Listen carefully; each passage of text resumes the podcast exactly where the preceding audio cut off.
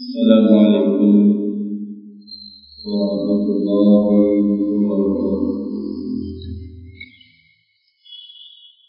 الحمد لله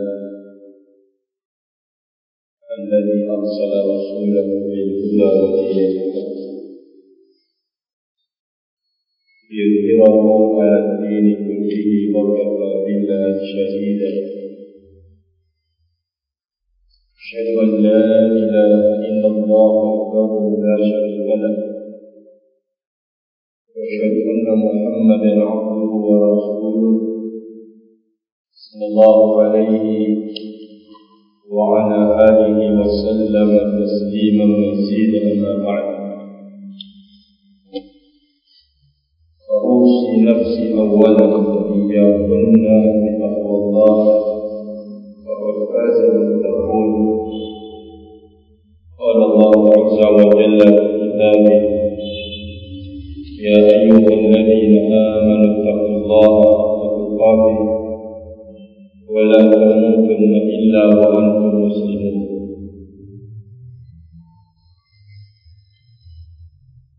معاشر المسلمات yang saya hormati dan yang saya muliakan. Alhamdulillah. Kita kembali dituangkan nikmat oleh Allah Jalla. Nikmat menghadiri majlis ilmu.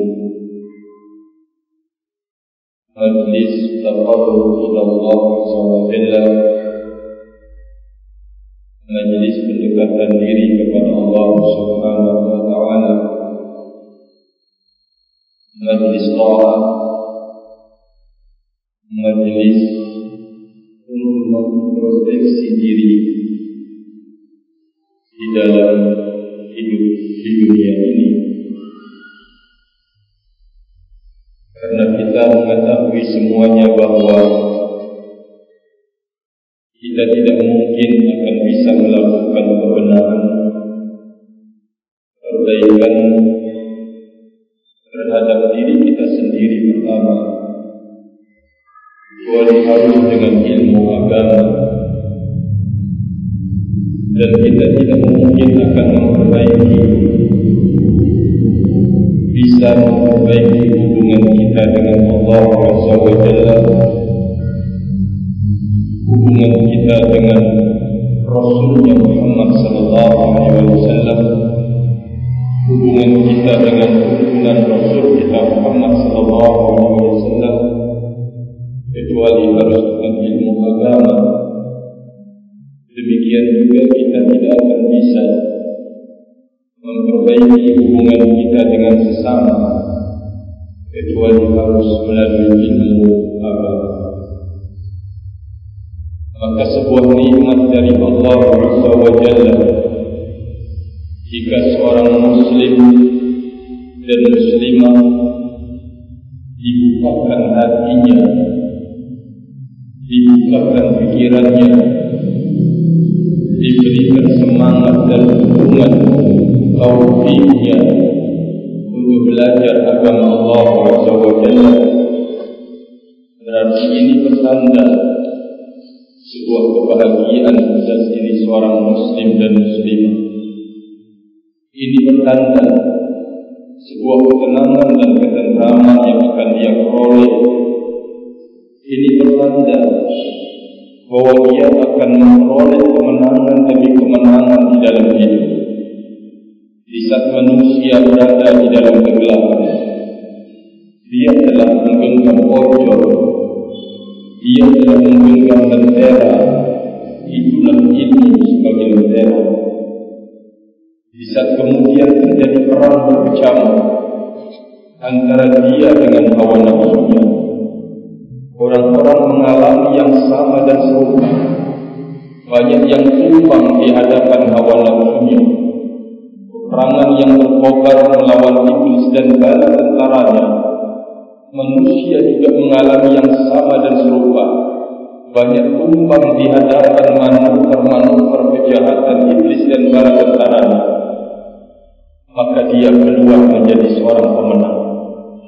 Dia keluar membawa senjata yang sangat ampuh di dalam hidupnya.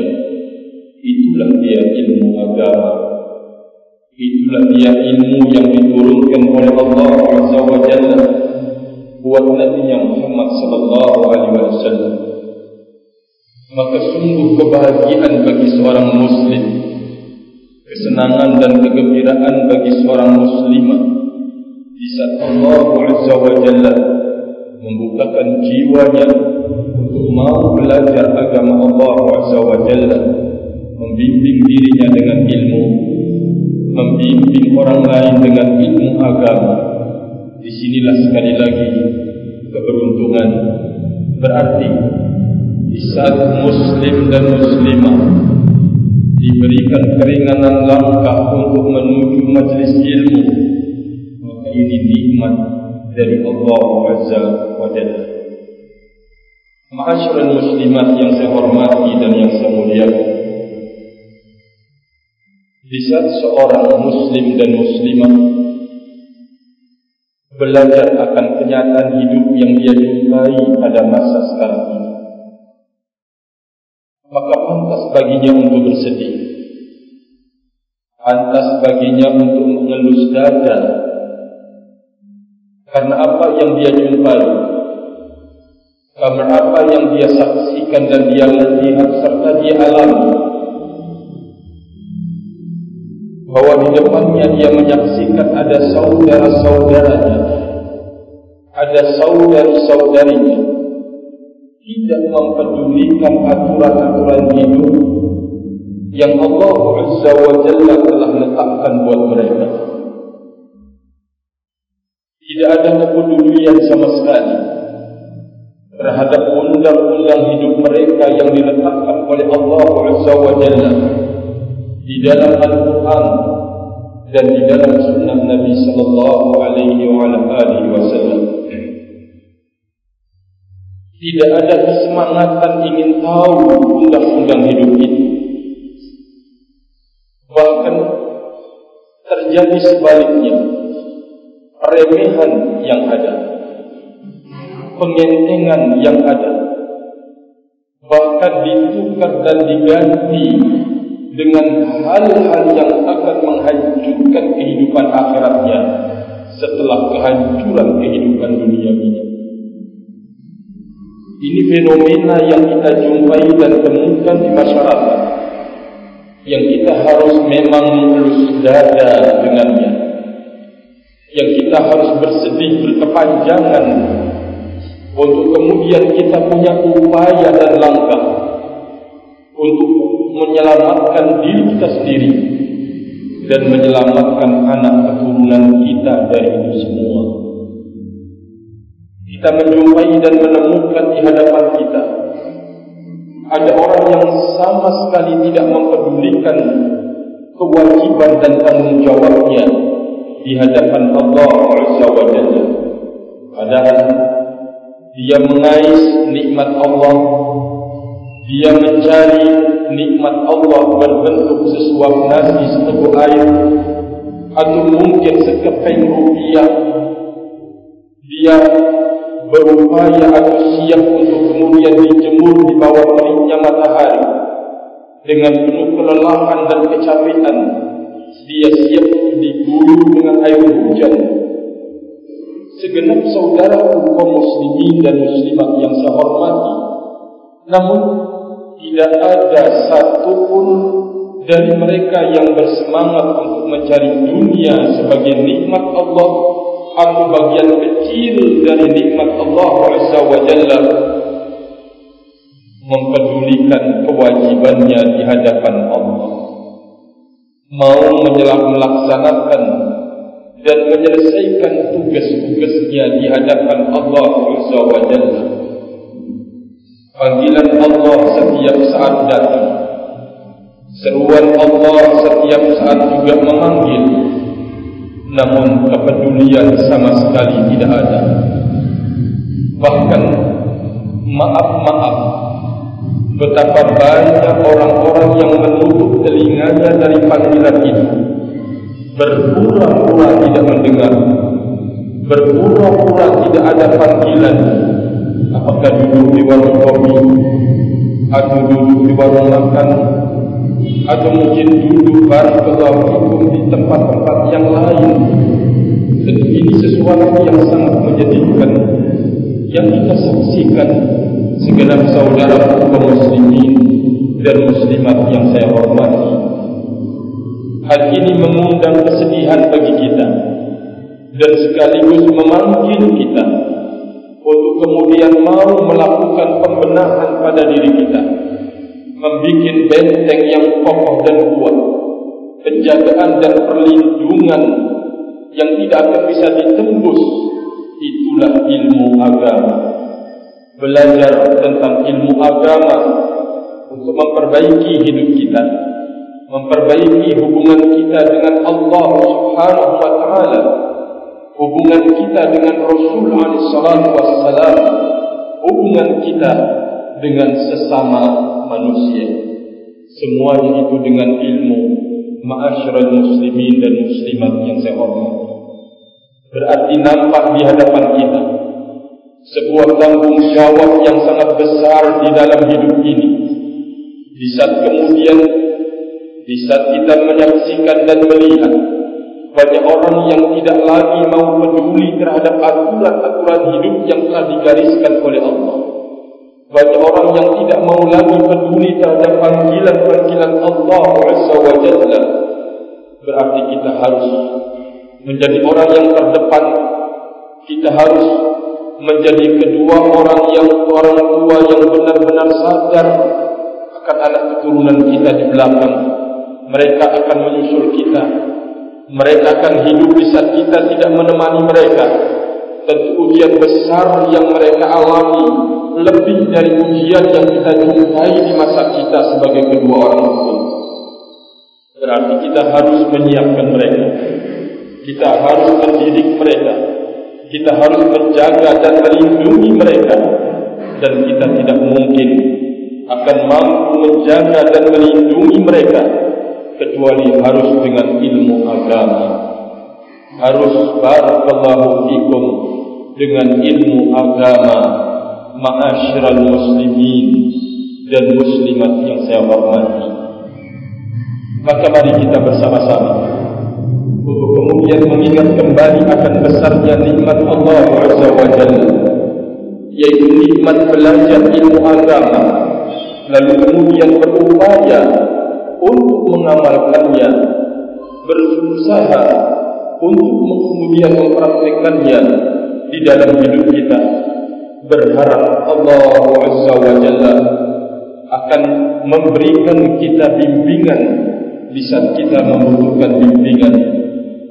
Kita berharap kepada Allah Azza wa Jalla memberikan kepada kita perlindungan dan penjagaan di saat kita butuh perlindungan dan penjagaan maka oleh karena itu saya mengingatkan kepada segenap saudara kaum muslimin dan muslimat bahawa jangan bermimpi dan jangan berkhayal bahawa kebahagiaan yang kau ingin peroleh ketenangan dan ketenteraman yang kau ingin dapatkan jangan bermimpi akan didapatkan melalui harta benda yang berlimpah ruah kedudukan yang tinggi titel yang banyak jangan berharap ketenangan dan ketenteraman itu akan lahir dari itu semua.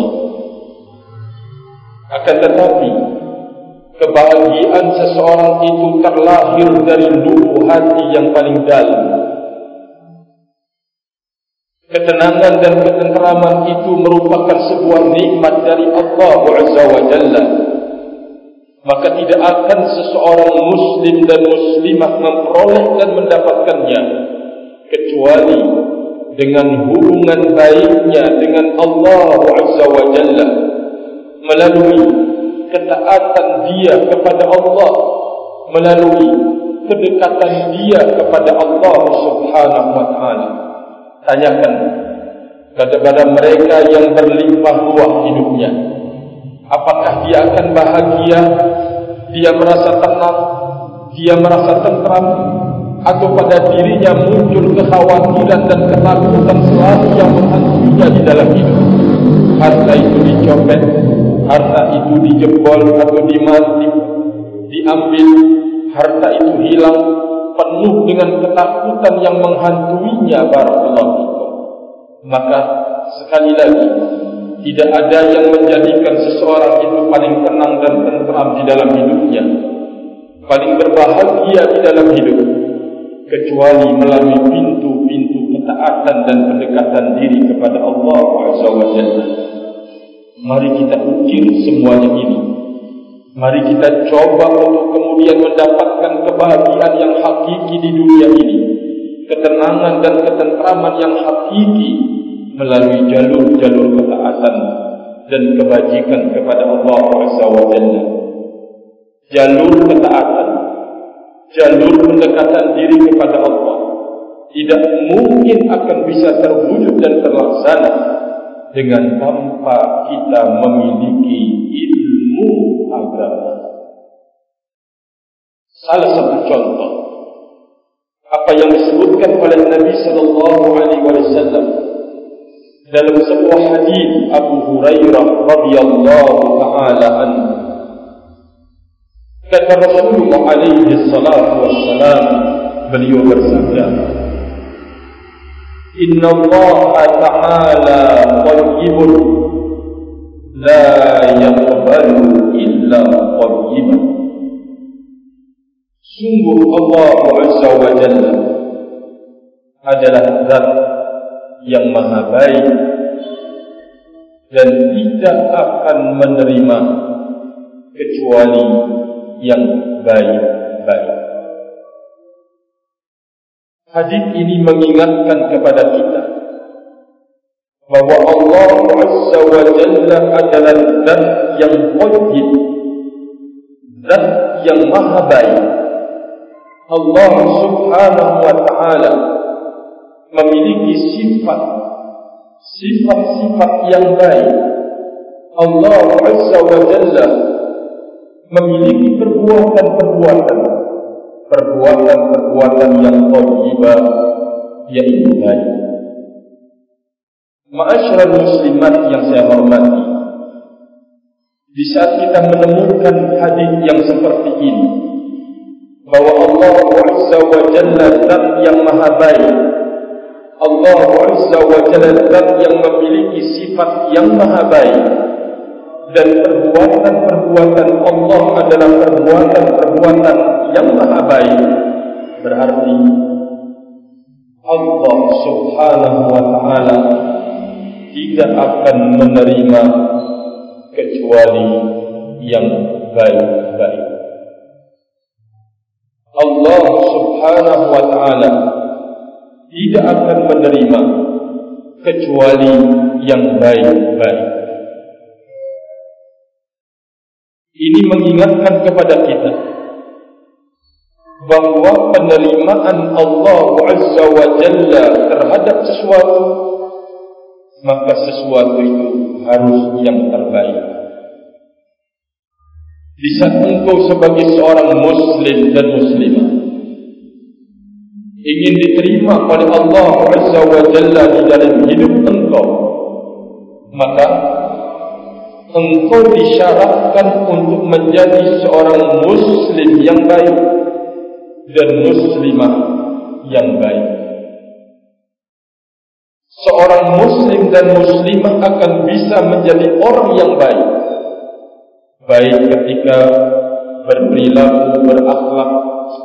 Kalau dia berusaha mencari usaha, dia mencari usaha yang baik-baik dia menjauhkan diri dari perkara yang dimurkai oleh Allah Jalla berhubungan dengan riba menjual khamar atau menjual perkara-perkara yang mengandung keharaman padanya menjual alat-alat musik dan yang semisalnya maka jika lalu seseorang ingin diterima oleh Allah Azza wa Jalla dirinya dan ingin diterima segala usaha dan pekerjaannya maka dia harus menjadi seorang muslim yang baik dan mencari pekerjaan usaha-usaha yang baik. Ma'asyiral muslimat yang saya hormati dan yang saya muliakan. Muncul pertanyaan. Bagaimana kita mengetahui bahawa Allah Azza wa Jalla adalah zat yang maha baik? Bagaimana kita mengetahui bahawa Allah Azza wa Jalla memiliki sifat-sifat yang baik dan perbuatan-perbuatan yang baik? Maka jawabannya, seseorang tidak akan mengerti semuanya itu bila Allah berbuat berbuat di atas kebaikan. Bila Allah memutuskan memutuskan di atas kebaikan. Bila Allah menentukan menentukan di atas kebaikan. Tidak mungkin akan diketahui oleh seseorang kecuali dia harus berilmu tentang agama. Contoh misalnya Allah Azza wa Jalla menimpakan seseorang musibah hai sakit contohnya Allah yang berbuat pada orang tersebut. Maka tahukah kita bahwa di belakang musibah yang Allah timpakan kepada kita terdapat kebaikan? Ini butuh pengetahuan dan ilmu. Pertama bahwa dengan musibah itu Allah Azza wa Jalla ingin membersihkan kesalahan-kesalahan pada diri engkau yang sedang ditimpa oleh musibah. Bukankah itu kebaikan? Jawabannya iya. Itu adalah kebaikan yang dipersiapkan oleh Allah Azza wa Jalla di belakang perbuatannya menimpakan engkau musibah. Ternyata musibah itu akan menghapus dosa-dosa yang engkau telah lakukan dan yang engkau telah kerjakan berarti itu kebaikan bagi engkau. Yang kedua, di saat Allah Azza wa Jalla menimpakan engkau musibah tersebut, engkau ingat kepada Allah Azza wa Jalla.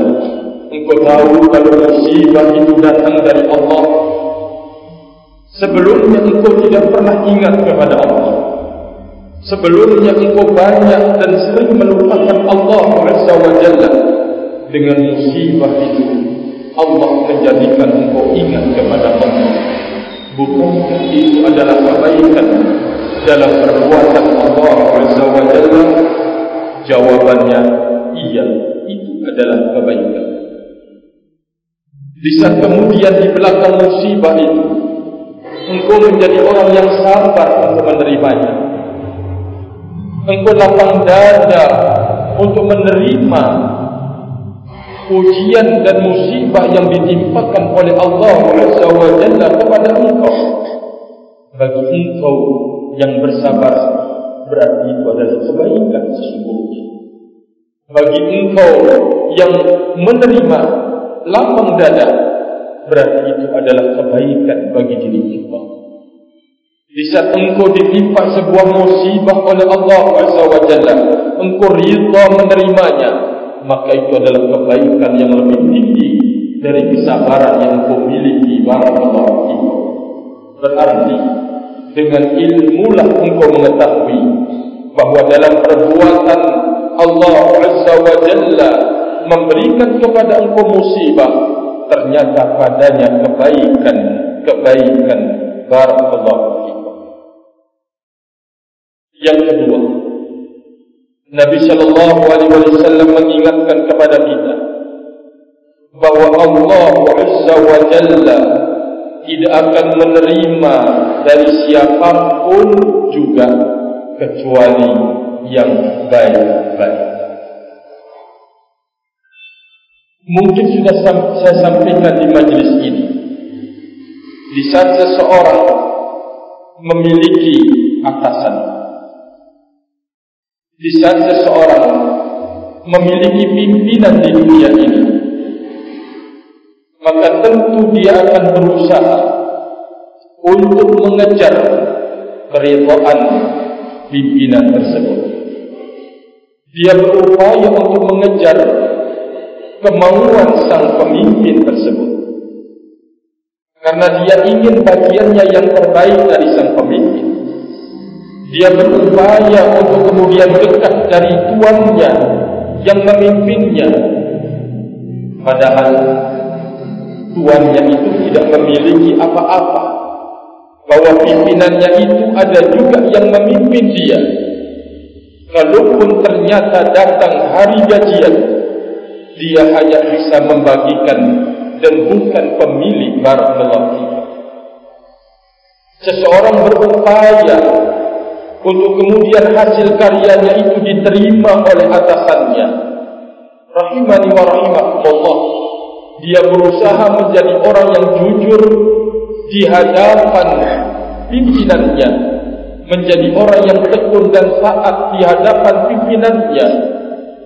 Maka coba kita bertanya kepada orang tersebut. Mata, telinga, tangan, organ tubuh yang memiliki siapa yang memberikan engkau? Maka dia akan menjawab Allah subhanahu wa ta'ala. Kesehatan yang ada pada diri engkau siapa yang memberikan engkau? Dia akan menjawab Allah subhanahu wa ta'ala. Semua yang terkait dengan hidup engkau siapa yang memenuhinya dia akan menjawab Allah subhanahu wa ta'ala Bukankah dia yang kau harus kejar ridhonya? Bukankah dia Allah Azza wa Jalla Yang kau harus kejar kedekatan dengannya? Bukankah dia Allah Azza wa Jalla Untuk kejar kasih dan cintanya?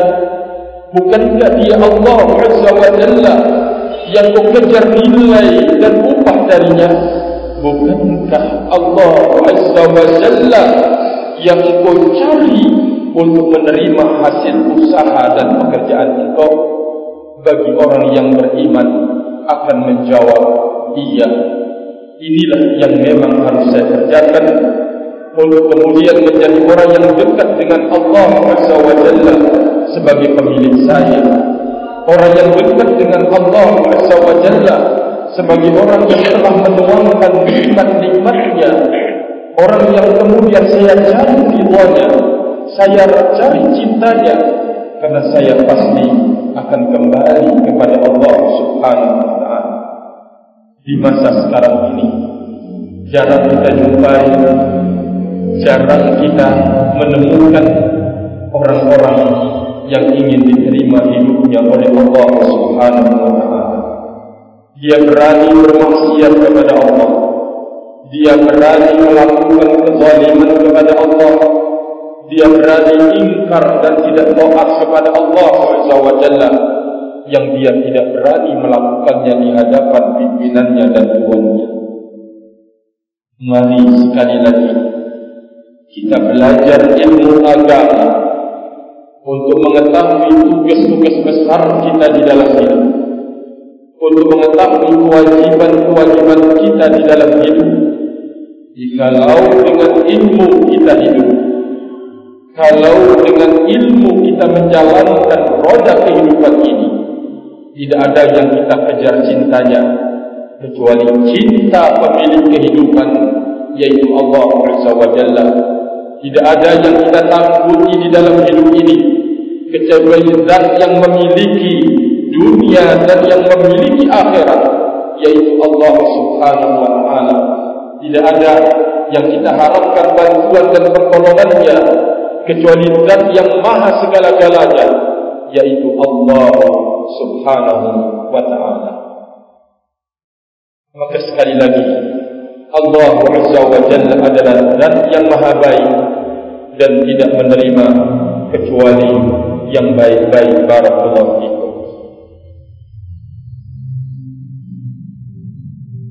Kemudian Nabi sallallahu alaihi wasallam melangsungkan sabda beliau, "Wa inna Allah amara al-mu'minin wa inna Allah amara al-mu'minina bima amara bihi al-mursalin." Sesungguhnya Allah Azza wa Jalla memerintahkan kepada kaum mukminin apa yang Allah perintahkan kepada para utusan-utusannya. Bagaimana perintah Allah kepada para utusannya?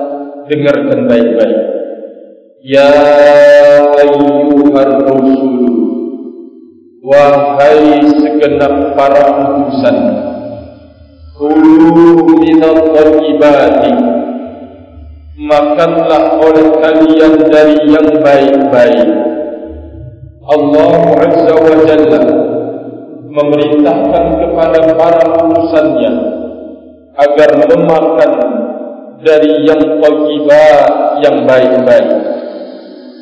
Makanan yang baik itu adalah makanan yang berstatus halal yaitu halal hukumnya.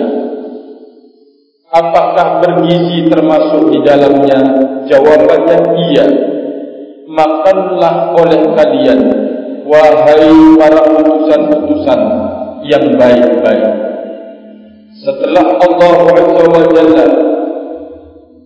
memerintahkan para utusannya untuk menjaga makanannya jangan sampai memakan sesuatu yang haram sesuatu yang dimurkai oleh Allah SWT Allah Subhanahu wa taala memerintahkan kepada para utusannya wa amalu salihah dan beramallah kalian berkaryalah kalian berbuatlah kalian perbuatan-perbuatan yang salihah yang baik. Ayat ini ma'asyarul muslimat yang saya hormati Allah Azza wa Jalla memerintahkan kepada para utusan-utusannya agar jangan melakukan jinayah dosa terkait dengan makan. Maka untuk menjadi orang yang terbaik di saat menyantap makanan yaitu memakan sesuatu yang halal yang dibolehkan di dalam agama yang kedua para utusan-utusan Allah Azza wa Jalla dititipkan pesan agar berkarya di dunia ini dengan karya-karya yang bagus. Jangan melakukan hal-hal yang mendatangkan murka Allah Subhanahu wa taala. Pesan Allah Azza wa Jalla kepada para utusannya. Sekarang mari kita dengar pesan Allah Azza wa Jalla terhadap kaum mukminin dan kaum mukminat. Ya ayyuhalladzina amanu kulu min thayyibatin ma razaqnakum Wahai segenap orang-orang yang beriman Makanlah kalian dari yang baik-baik Terhadap apa yang kami telah rezekikan kepada kalian. Allah memanggil kaum mukminin. Allah Azza wa Jalla memanggil kaum mukminat agar jangan memakan makanan di dunia ini kecuali yang baik-baik. Mana contoh makanan yang tidak baik? Adalah makanan yang memang zatnya itu haram. Zatnya itu adalah haram. Seperti memakan bangkai atau meminum khamar atau yang semisalnya terkait dengan perbuatan-perbuatan yang tidak baik atau usaha-usaha yang baik kemudian kita makan hasil usaha yang tidak baik seperti seseorang memakan harta benda melalui tipu menipu. Rentenir riba atau yang semisalnya dari usaha-usaha yang kemudian hasilnya dimakan olehnya maka ini termasuk dari makan makanan yang buruk dan jelek Ma'asyiral muslimin dan muslimat yang saya hormati. Apa pengaruh dari makanan yang jelek itu? Apa pengaruh dari makanan yang haram itu? Nabi sallallahu alaihi wasallam menyebutkan sebuah cerita dan kisah bahwa ternyata makanan yang buruk, makanan yang jelek apakah kita langsung atau makanan itu memang dari zatnya yang haram ataukah kita mengusahakan yang halal ini lewat jalur yang haram ternyata memiliki dampak dan pengaruh yang sangat-sangat besar Nabi Ali Sallallahu Wasallam kemudian menyebutkan tentang pengaruh makanan yang haram pada diri seseorang. Thumma dzakara ar-rajula. Kemudian Nabi sallallahu alaihi wasallam menyebutkan seseorang menceritakan tentang seseorang. Yutilu safar. Melakukan perjalanan safar. Dia dalam kondisi musafir. Orang yang dalam kondisi musafir ini adalah orang yang sangat-sangat gampang dan mudah doanya diterima oleh Allah Subhanahu wa taala.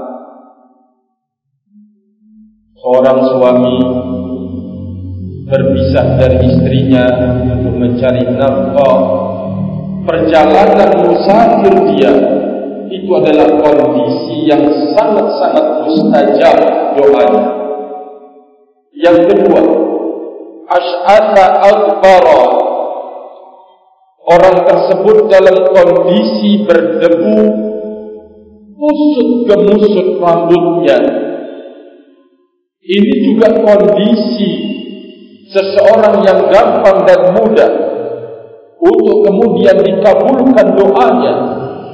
Seperti yang disebutkan oleh Nabi sallallahu alaihi wasallam tentang hari-hari Arafah wukuf di Arafah atau di Syahtan Ghobara mereka datang kepadaku kata Allah Azza wa Jalla dalam kondisi kusut gemusut rambut mereka karena lelah karena capek karena tidak ada lagi waktu untuk kemudian menyisirnya atau dalam kondisi penuh dengan debu. Di saat seseorang dalam ketaatan dan kebajikan menjumpai dan menemukan kondisi ini, maka ini adalah kondisi mudah dan gampang untuk dikabulkan barakallahu fikum. Yang ketiga, ya mundu yadai ila samai. Dia mengangkatkan tangannya ke atas langit menengadahkan tangannya ke atas langit. Maka ini adalah kondisi seseorang itu mustajab gampang dan mudah doanya diterima. Bisa dia mengadahkan tangannya ke atas langit meminta kepada Allah Azza wa Jalla. Yang keempat Ya Rabbi, Ya Rabbi Dia bertawassul dengan nama Allah. Ya Rabb Wahai Rabbu Wahai Rabbu Dia panggil nama Allah subhanahu wa ta'ala. Dia memanggil nama Allah Lalu dia ingin meminta kepadanya dengan nama tersebut Ini adalah kondisi mustajab Cepat doanya didengar dan dikabulkan oleh Allah Subhanahu wa taala. Ma'asyiral muslimat yang saya hormati. Kita ingin tahu melalui pemberitaan sunnah Nabi alaihi salatu wassalam bahwa apa yang kita makan selama ini ternyata punya pengaruh yang besar dalam hubungan kita dengan Allah Azza wa Jalla terlebih lagi di saat kita meminta bantuan mengutarakan hajat dan keperluan kepada Allah Subhanahu wa taala ternyata makanan dan minuman kita itu punya pengaruh yang sangat-sangat besar. Seseorang dalam kondisi mustajab doanya gampang untuk dikabulkan yaitu ketika musafir. Kedua, seseorang dalam kondisi kusut kemusut penuh dengan debu badan sekujur badannya, rambutnya. Ini juga kondisi gampang dan mudah seseorang diterima doanya juga dia menengadahkan tangan meminta kepada Allah Jalla. Kondisi gampang dan mudah doanya diterima.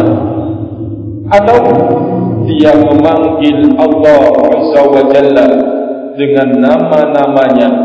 Ini termasuk dalam penyebab doa itu mudah dan gampang untuk dikabulkan. Ya Rahman Wahai yang maha berkasih Maha pengasih, kasihnilah hambamu ini. Berikanlah bantuan dan pertolongan kepada hambamu ini. Panggilan seseorang muslim dan muslimah. Ya Rahman, Ya Rahim, Ya Rahul, Ya Kabir, Ya Muta'ad.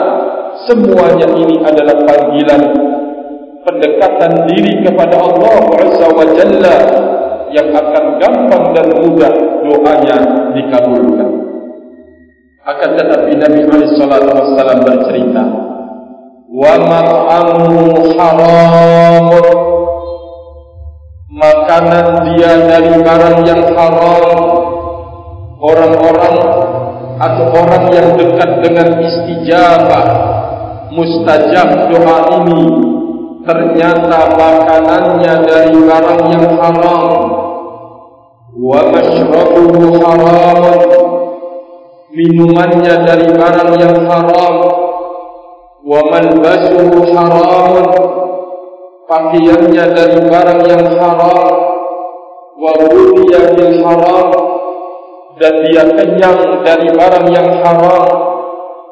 Kata Nabi sallallahu alaihi wasallam fa anna yustajab lahu bagaimana doanya akan diterima oleh Allah Subhanahu wa taala.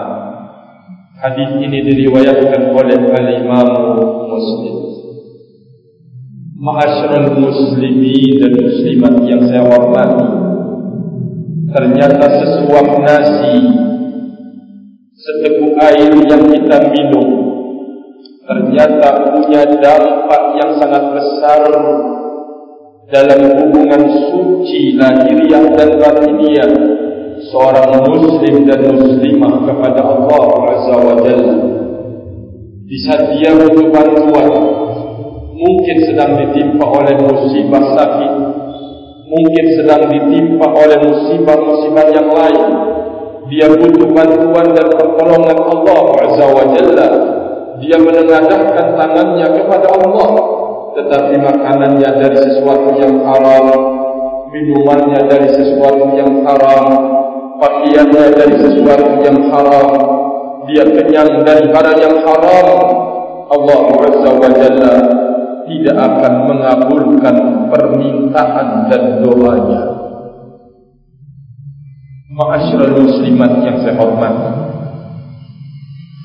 Hadis ini tentunya mengajak kita pertama di dalam hidup ini harus berhati-hati.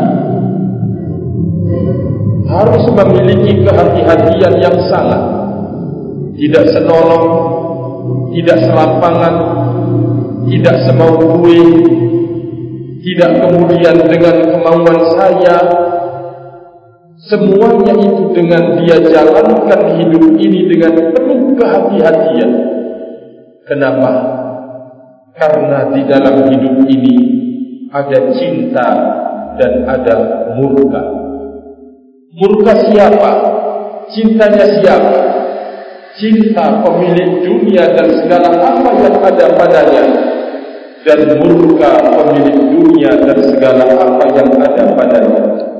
Barakallahu seorang muslim dan muslimah tentu dia akan berhati-hati untuk melangkah menjalankan hidup ini. Barakallahu fikum. Dia mencoba bertanya dia mencoba untuk mengkaji ilmunya dia mencari tahu bimbingan dan arahan.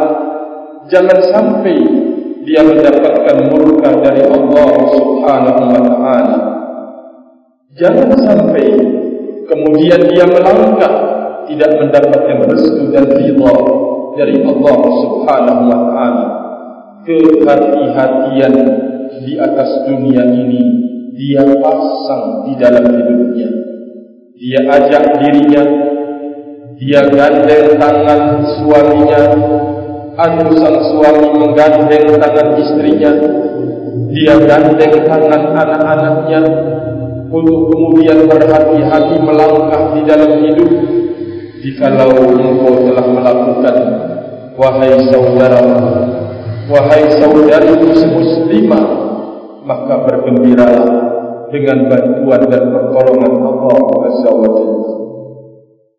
Ber, bergembiralah dengan barokah dari Allah Subhanahu wa taala di dalam hidup.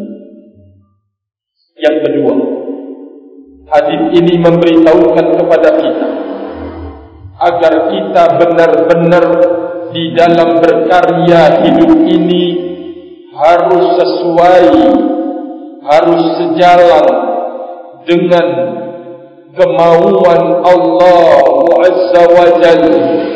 Tidak boleh kita berkarya sesuatu keluar dari aturan Allah tidak boleh kita ingin mewujudkan sesuatu di dalam hidup kemudian keluar dari bimbingan Allah Subhanahu wa taala. Apa maksudnya? Wahai saudara dan saudari jika engkau ingin dekat dengan Allah Azza wa Jalla ada ilmunya.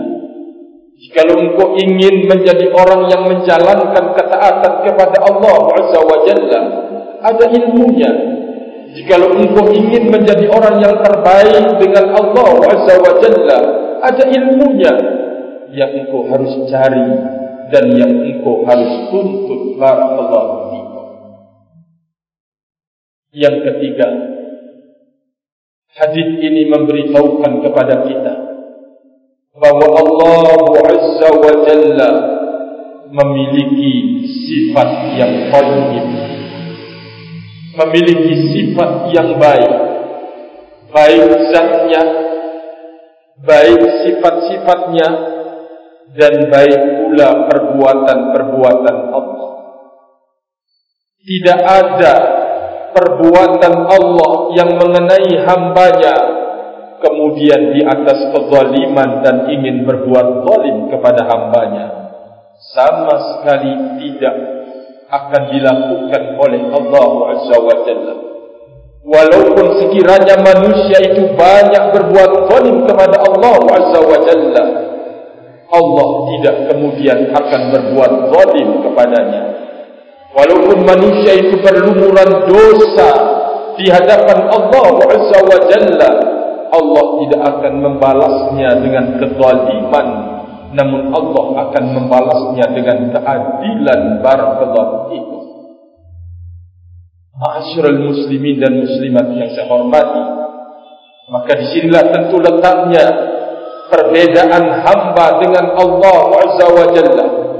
Kalau mungkin kita menjumpai seseorangnya, seseorang hamba, baik akhlaknya, baik perilakunya, baik tutur katanya. Namun di saat dia kemudian disakiti, di saat kemudian dia tersinggung di dalam hidupnya, maka dia akan bisa melampaui batas, mencabut cintanya, mencabut kasih sayangnya, menutup pintu untuk kemudian orang bertobat datang kepadanya, mencela, mencaci maki dan menghabisinya dimanapun dia mau dan dimanapun ingin, itulah manusia. Namun Allah Azza wa Jalla, walaupun sekiranya manusia itu berbuat zalim kepadanya, dia tidak mau taat kepada Allah, dia ingkar terhadap perbuatan Allah, tidak mau mengingkari Allah Azza wa Jalla perintah-perintah Allah dan dia tidak mau tunduk dan patuh terhadap aturan Allah Jalla. Allah tidak akan berbuat zalim kepadanya.